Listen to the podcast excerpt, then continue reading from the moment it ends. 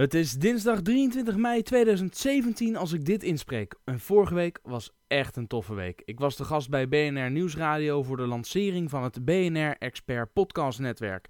Donderdag en vrijdag liep ik op de Next Web. En mijn vader, die in het buitenland woont, was gezellig met zijn vrouw een weekje op visite. Kortom, topweek.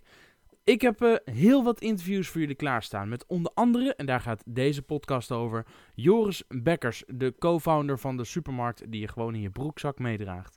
Als je tenminste in een van de steden woont waar ze al actief zijn. Ik heb het over Picnic, een bedrijf waarvan ik echt overtuigd ben dat ze een hele grote speler gaan worden in de Nederlandse boodschappenmarkt. En dan nu eerst nog even een tipje van de sluier ten aanzien van de podcastafleveringen die je de komende tijd kunt verwachten op dit kanaal. Een interview met Danny Ringelman, founder van crowdfunding-platform Indiegogo. Michael Pryor, de founder van een van mijn favoriete productiviteit-apps Trello. Het bedrijf dat eerder dit jaar werd overgenomen voor maar liefst 425 miljoen dollar. Mark Randall, hij is VP of Creativity bij Adobe. En Tim de Kraker, de ondernemer achter Bar Doggy, een bedrijf dat inmiddels zo'n 7 ton aan funding heeft opgehaald en jou helpt aan gratis drank. Kortom, alle reden om ook de komende tijd deze podcast goed in gaten te houden en elke week lekker te blijven luisteren. Dat kan overigens heel makkelijk door je even te abonneren op deze podcast via je favoriete podcastplayer. Een overzicht van al die players vind je op frankwashing.com slash podcast en op jellendrijver.nl slash podcast. Veel van de interviews die ik heb opgenomen uh, heb ik ook op video staan. Dus als je liever kijkt dan luistert, ga dan naar jellendrijver.nl slash blog of abonneer je even op mijn YouTube kanaal. Maar voor nu geldt dat je kunt luisteren naar het gesprek dat ik had met Joris Bekkers, de co-founder van Picnic. Mijn naam is Jelle Drijver en je luistert naar de Frank Watching podcast. Ja, ik sta gewoon naast een van de oprichters van uh, nou, misschien wel mijn, mijn favoriete disruptive business van dit moment. vertel even, want uh, niet iedereen zal weten waar ik het dan over heb. Wie ben je en wat doe je? Ik ben Joris Bekkers, oprichter van Picnic, een nieuwe online supermarkt in Nederland. Die de foodsector probeert te vernieuwen. Ja, nou, dat, dat, lukt aardig. Je, doet dat ook samen met een, eh, een compagnon die dat al eerder heeft gedaan, Michiel Muller. Eh, supermarkten. Hoe haal je het in je hoofd, zou ik bijna willen zeggen, om dat helemaal anders te gaan doen? Ja, nou, ik ben zelf heel veel jaren geleden toevallig in de techsector terechtgekomen. Toen Amazon nog een klein boekwinkeltje was en er een speelgoedwinkeltje ontstond. En op die manier ben ik in de techwereld terechtgekomen, samen toen met mijn compagnon Frederik Nieuwenhuis. En nadat wij Fredhopper tien jaar hadden gedaan, eh, raakten wij geïnteresseerd in um, zeg maar de andere helft van de online retailwereld, eigenlijk de foodwereld.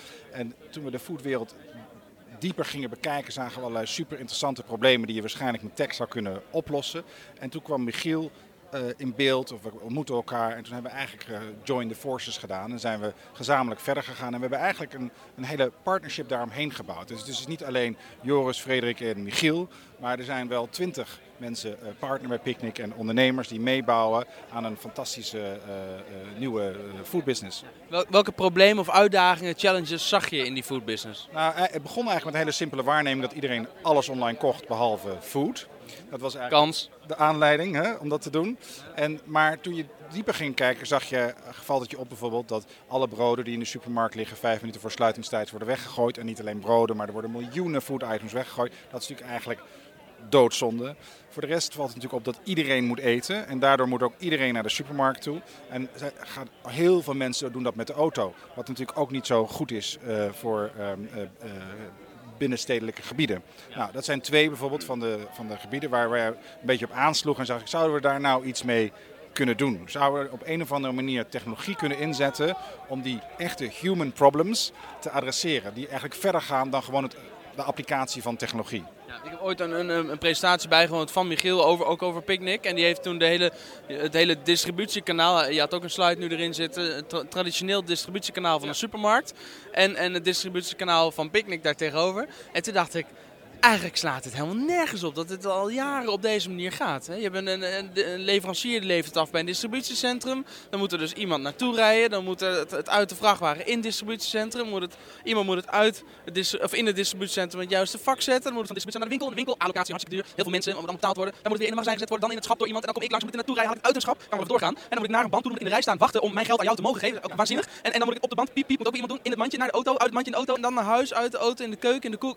Nou, het slaat nergens nergens op. En wat jullie doen, ja, eh, even voor de mensen die jouw slide niet gezien hebben, hoe, hoe ziet jullie distributiekanaal eruit?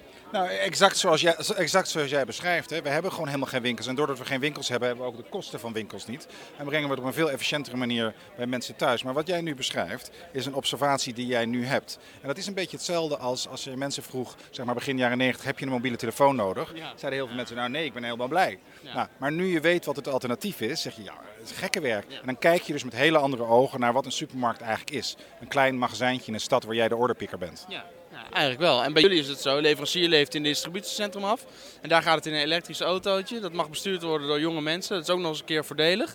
Die bezorgen het bij mij met zo'n smile aan de deur. Alsjeblieft, Tijmen heet hij bij mij in Utrecht. Ja. En Tijmen die zegt, alsjeblieft, heb je nog zakjes van de vorige keer flessen? Neem het meteen van je mee, klaar. Absoluut. En al die dingen die er tussenuit zijn maken dat jullie het ook nog eens een keer Jullie zeggen goedkoopste, is dat, maar dat zegt de Jumbo ook. Hoe kan dat dan? Ja, nou ja, we zijn zeker niet duurder dan de Jumbo. Oké, dus, uh, oké. in elk geval niet duurder dan. Of hetzelfde. Nou ja, dus, of... Dus, het, dus, dus je hebt nooit enig prijsnadeel als je bij Picnic koopt. Sterker nog, je hebt eigenlijk altijd voordeel. Okay, nou noemde je ook waste, uh, broden hè, in jouw voorbeeld. Hè. Broden worden weggedonderd aan het einde van de dag, doodzonde. Hoeveel broden gooien jullie weg? Wij gooien heel weinig broden weg, want wij weten precies de dag van tevoren hoeveel broden we moeten bakken voor welke klanten. Ja, want ik kan, ik kan niet nu bestellen en over een uur ben je bij me. Hè? Dat kan niet. Nee, maar klanten ervaren dat niet als een probleem? Nee, dat zou, nou, dat, kijk, wat wij doen is niet meteen voor iedereen perfect. Maar wat, wat wij doen is zeg maar, voor heel veel mensen die iedere week, twee, drie keer per week, spullen in hun huishouden moeten halen om het huishouden te laten draaien, perfect. Maar als jij nu binnen een uur wat wil hebben, kan je beter naar een winkel lopen. En er blijven heus wel winkels bestaan. Wij zien geen wereld voor ons waar geen winkels meer bestaan. Alleen de rolverdeling wordt een beetje anders. Ja, ik kom ook nog steeds in, in de gewone supermarkt. En, en zoals ik het zie, ik vind het, het picknick ideaal om zeg maar, de, de, de, vaak terugkerende de weekboodschappen. Hoppakee, ja. lekker laten bezorgen. Hoef ik niet te sjouwen op, met die pampers en die wc-rollen en die kratten. Ideaal, nemen jullie ook gewoon weer mee, die kratten na afloop. Alleen als ik vanavond denk, oh, we hebben geen wijn en geen chocola meer, dan wip ik even bij de appie naar binnen. helemaal eens, helemaal eens. Zo, zo werkt het ook zo'n beetje. Als je kijkt naar de markt, Jumbo bezorgt ook, Albert Heijn bezorgt ook. Uh, smooth. En uh, hoe groot is nu jullie marktendeel? Want jullie zijn nu hoe lang bezig? Ja, nou we zijn, zeg maar, voordat wij begonnen werd 1% van de online food market, uh, of 1% van de food werd online gekocht. Ja. Na één jaar hadden wij 5% van de markt. Dus vijf keer zoveel als de hele markt was voordat wij begonnen. Dus dat is wel massief. In de steden waar wij natuurlijk opereren. Hè. We zijn natuurlijk nog maar in een stuk of 7, 8 steden überhaupt open. Maar dat is wel zo. We begonnen in Amersfoort, net aangekondigd Rotterdam komt erbij, Utrecht, uh, uh, Almere, nog een aantal. Gaan jullie franchisen? Nee, voorlopig niet. Voorlopig niet? Nou, we hebben niet een idee om te gaan franchisen nu. Nee, het is niet iets wat op onze radar staat. Maar niks is onmogelijk. Dus, hè? Ik, ik, hoorde hè, in de zaal, en ik kan me herinneren, een jaar geleden toen Michiel voor zijn zaal stond, was er ook al iemand die riep, ik kom in Amsterdam. Hè? Dus, ja. dus, de mensen willen picknick ja. in hun stad hebben. Je zou bijna zeggen, we kunnen veel sneller schalen als we andere uh, ondernemers selecteren die op onze manier dat ook gaan doen. Ja, dat zou je denken. Maar weet je, je moet de hele keten schalen. Ik moet niet alleen de autootjes, de voertuigen en de mensen die op zo'n hub in een stad werken schalen, maar ik moet ook een magazijn hebben om die mensen te kunnen beleveren. Dus dat helpt in dit opzicht niet. Maar uh, franchise is een heel interessant idee en wij houden van ondernemerschap. Ja. Dus uh, dat zou heel goed kunnen dat het op een zeker moment wel voor nu. Maar voorlopig zijn wij gewoon bezig om vijf keer groter te worden ieder jaar. Dat op zichzelf is al een massive challenge. Hè? Ja. En, en uh, wanneer is het punt dat jullie het, het, gaan verkopen weer een volgend avontuur aangaan? Of zeggen we dat gaat, gaan we in dit geval niet doen? Nee, dat ga ik in dit geval helemaal niet doen. Waarom zou ik dat? Hopper verkocht en ja. Michiel Muller heeft natuurlijk zijn... Uh, en, en die, uh, jullie... Red Hopper heb ik bijvoorbeeld tien jaar gedaan, hè? Om een beetje beeld te geven. En dit is zo'n grote challenge. En omdat het ook mensen op zo'n manier raakt, vind ik het ook een super interessant probleem om aan te werken. We doen het nu in Nederland. Misschien gaan we wel een keertje kijken of je in de rest van de wereld ook iets dergelijks gaan doen. Het bestaat nergens. Dat is natuurlijk geen misschien, dat gaan jullie natuurlijk doen. Maar je wil eerst Nederland op de kaart zetten, kan ik me zo voorstellen. En, en wat is dan de meest logische volgende stap? Nou ja, niet Zuid-Afrika. Nee, snap ik. Uh, een, een, van de buren. Uh, zoiets zou je kunnen voorstellen, ja. ja voor de ondernemers die kijken en zitten te stuiteren en denken, ja maar ik wil ook ondernemen. Hè. Misschien hebben ze al, zijn ze al een paar keer op hun bek gegaan of misschien werken ze nu nog wel bij een bedrijf en ik zeg, ik ga toch die stap zetten. Je hebt al een bedrijf Fredhopper succesvol uh, uit de grond gestampt en op een gegeven moment verkocht. En nu Picnic gaat als speer. Wat is nou jouw toptip voor enthousiaste ondernemers?